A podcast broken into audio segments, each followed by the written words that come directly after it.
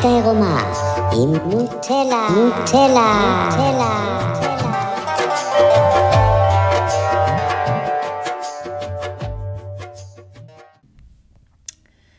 שלום לכולם, אני נוטלה. זה הפודקאסט שלי, האמת העירומה. אה, וכמו ששמעתם, יש לי פתיח, איזה כיף. אה, הפתיח, אה, נימו הכין לי את זה, שהוא המורה שלי בגדול לחיים, לתודעה, לטנטרה, לכל העבודה הפנימית הזאת שאני עושה, והוא התחיל ליצור מוזיקה לאחרונה, דיברתי על זה כבר. אתם יכולים למצוא אותו בספוטיפיי ובכל אה, מקום אחר שיש מוזיקה. אה, לכתוב נימוסן, הוא עושה מוזיקה שמאנית. הוא הכין לי את הפתיח הזה, אז תודה רבה. אני אוהבת אותו מאוד, גם את הפתיח וגם את נימו. אה, רציתי קצת לדבר על ליהוקים בפודקאסט הזה, כשלמעשה ניסיתי להקליט אותו כבר פעמיים וזה לא הלך לי. אה, מכל מיני סיבות כאלו ואחרות, אז אני אקליט אותו עכשיו שוב. אה, כי בשבועות האחרונים, השיעור שהכי צף לי בחיים היה הנושא הזה של הליהוקים. אה, זה, כמובן שאנחנו מדברים בתוך עולם של עבודה פנימית והתבוננות, ולראות איפה אני אחראית ואיפה הכאב שלי יוצר כל מיני דפוסים ביום-יום. אה, וברגע שאני רואה באמת על מה זה יושב, את הכאב, אז אני יכולה להתחיל לנקות את זה כדי שזה יפסיק לקרות, ושאני אוכל להשתנות אה, לטובה.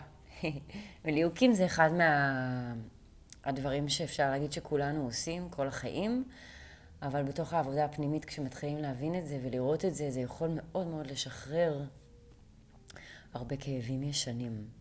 אז מה זה בכלל ללהק לצורך העניין? אה, אני אוהבת להסביר שכאילו בתעשיית הקולנוע והטלוויזיה יש בדרך כלל תפקיד של מישהי שהיא מלהקת. זה התפקיד שלה.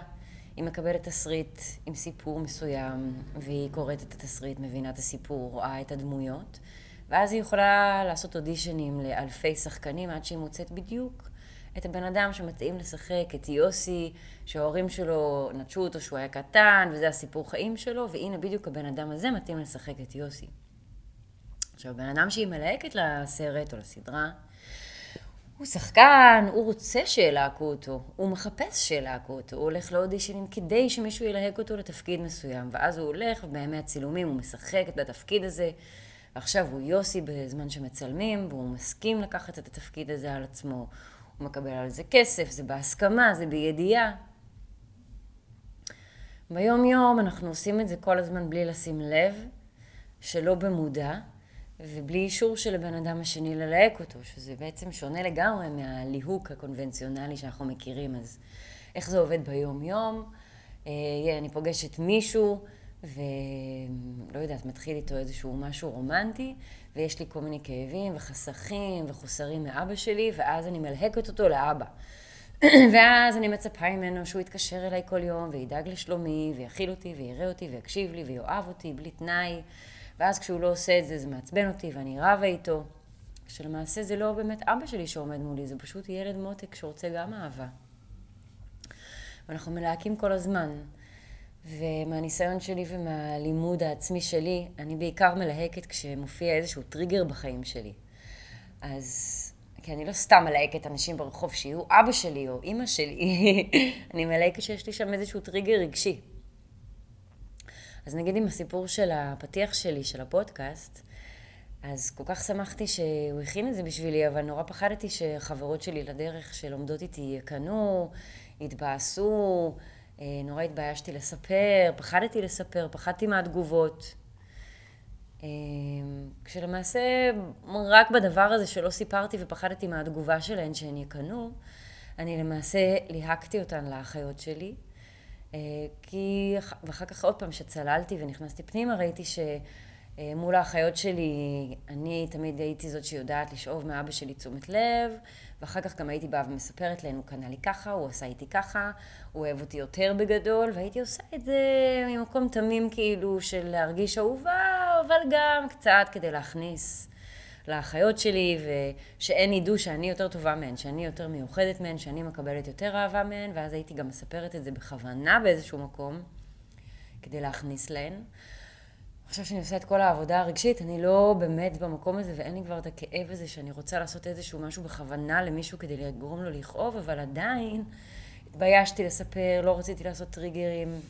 בדבר הזה, רק בזה שאני פחדתי לספר, כי זה אולי יעשה להם טריגרים, אני בעצם ליהקתי אותן לתפקיד האחיות שלי. ובגלל, בזכות זה שיש לי את המדיטציה ואת ההתבוננות הפנימית, יכלתי לצלול ולראות את זה. ובזה שאני מלהקת אנשים, יש בזה הרבה בעייתיות. קודם כל, בזה שאני מלהקת מישהו לתפקיד, אני לא רואה אותו, את מישהו באמת. ואני ממציאה עליו סיפורים בראש שלי, וכל מיני דברים, וליהוקים, ולמה הוא עשה לי ככה, והוא בן אדם כזה, ואני לא באמת רואה את מי שהוא, כי למעשה אני רק מלבישה עליו את הכאב, את החוסר שלי מול איזושהי דמות מהעבר שלי. אז אני לא רואה, הוא לא רואה באמת את הבן אדם שעומד מולי, ואני גם מונעת מהם באמת לראות אותי ולתת לי אהבה באיזשהו מקום, כי כאילו ברגע שאני מלהקת בן אדם אחר, אפשר להגיד שאני גם מתלהקת בעצמי לסיפור, ופתאום אני הופכת להיות הילדה המסכנה והלא אהובה, והוא הופך להיות הגבר הקשה שלא יודע לתת אהבה ולא רואה אותי ולא אוהב אותי. אה, ומאוד יכול להיות שזה רחוק מהאמת במציאות.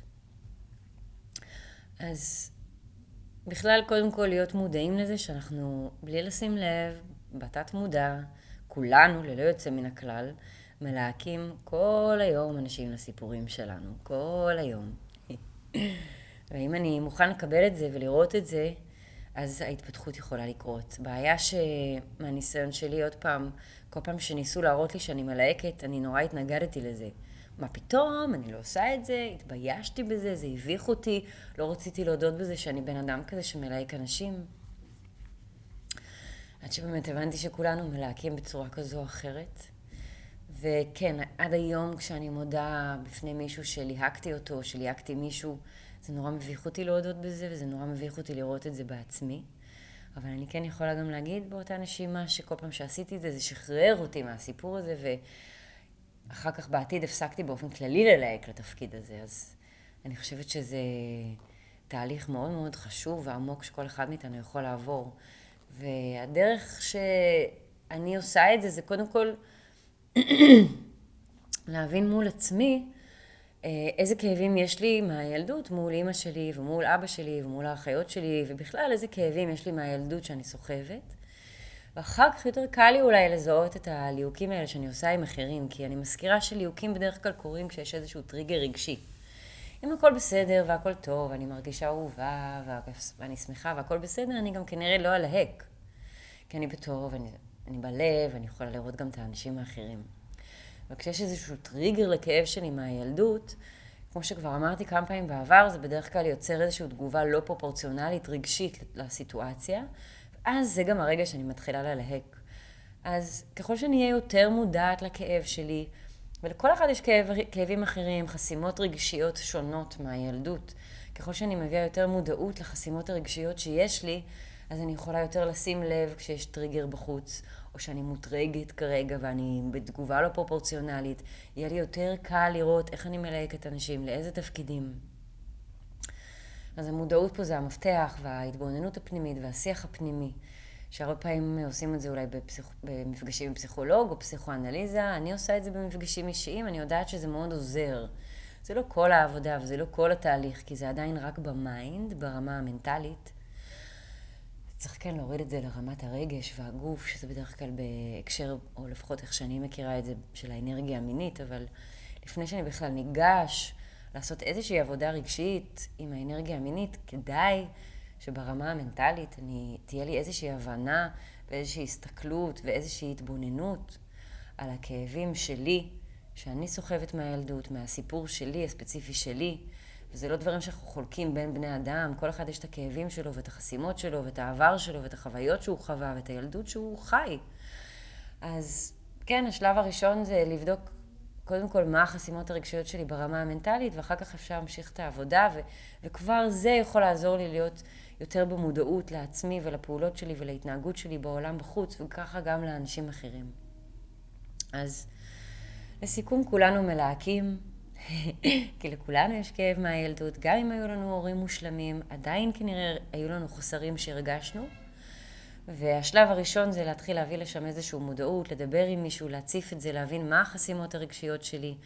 והשלב הבא מבחינתי זה להתחיל לראות ביום-יום איפה החסימות האלה באות לידי ביטוי, מה עושה לי טריגרים, איזה אנשים עושים לי טריגרים, איזה אנשים אני מלהקת בחיים שלי לכל מיני תפקידים. ואז אני יכולה בהמשך גם לצלול במדיטציה ולרפא את זה ולנקות את זה ולתת לילד אהבה ו... ואולי בהמשך לא ללהק אנשים יותר ולא להיות מוטרגת מכל דבר שקורה בחוץ. אז זה באמת תוצאה של איזשהו תהליך ועבודה פנימית שאנחנו עוברים עם עצמנו. אה, אז אני מאוד משתדלת לא ללהק ואני מתנצלת בפני כל מי שליהקתי אי פעם בחיים. אני כנראה אמשיך ללהק אה, עוד קצת בחיי, אולי לנצח, אבל המודעות לכך אה, מאוד עוזרת לי. אה, ולשים לב שגם כנראה אתם מלהקים אנשים. לאימא, בין אם זה בת זוג, שאני רוצה, שיש לי כל מיני דרישות וציפיות ממנה, זה בדרך כלל דרישות וציפיות שהיו לנו מאימא. בין אם זה מבן זוג, אותו דבר, כל מיני דרישות שהיו לי מאבא שלי שהוא לא מימש ועכשיו אני מצפה מהבן זוג שלי. זה יכול להיות מול החברות, שזה קשור לאחים, לאחיות, זה יכול להיות המון המון דמויות מהעבר שלנו שכולנו עושים ומלהקים. אז אה, בהצלחה.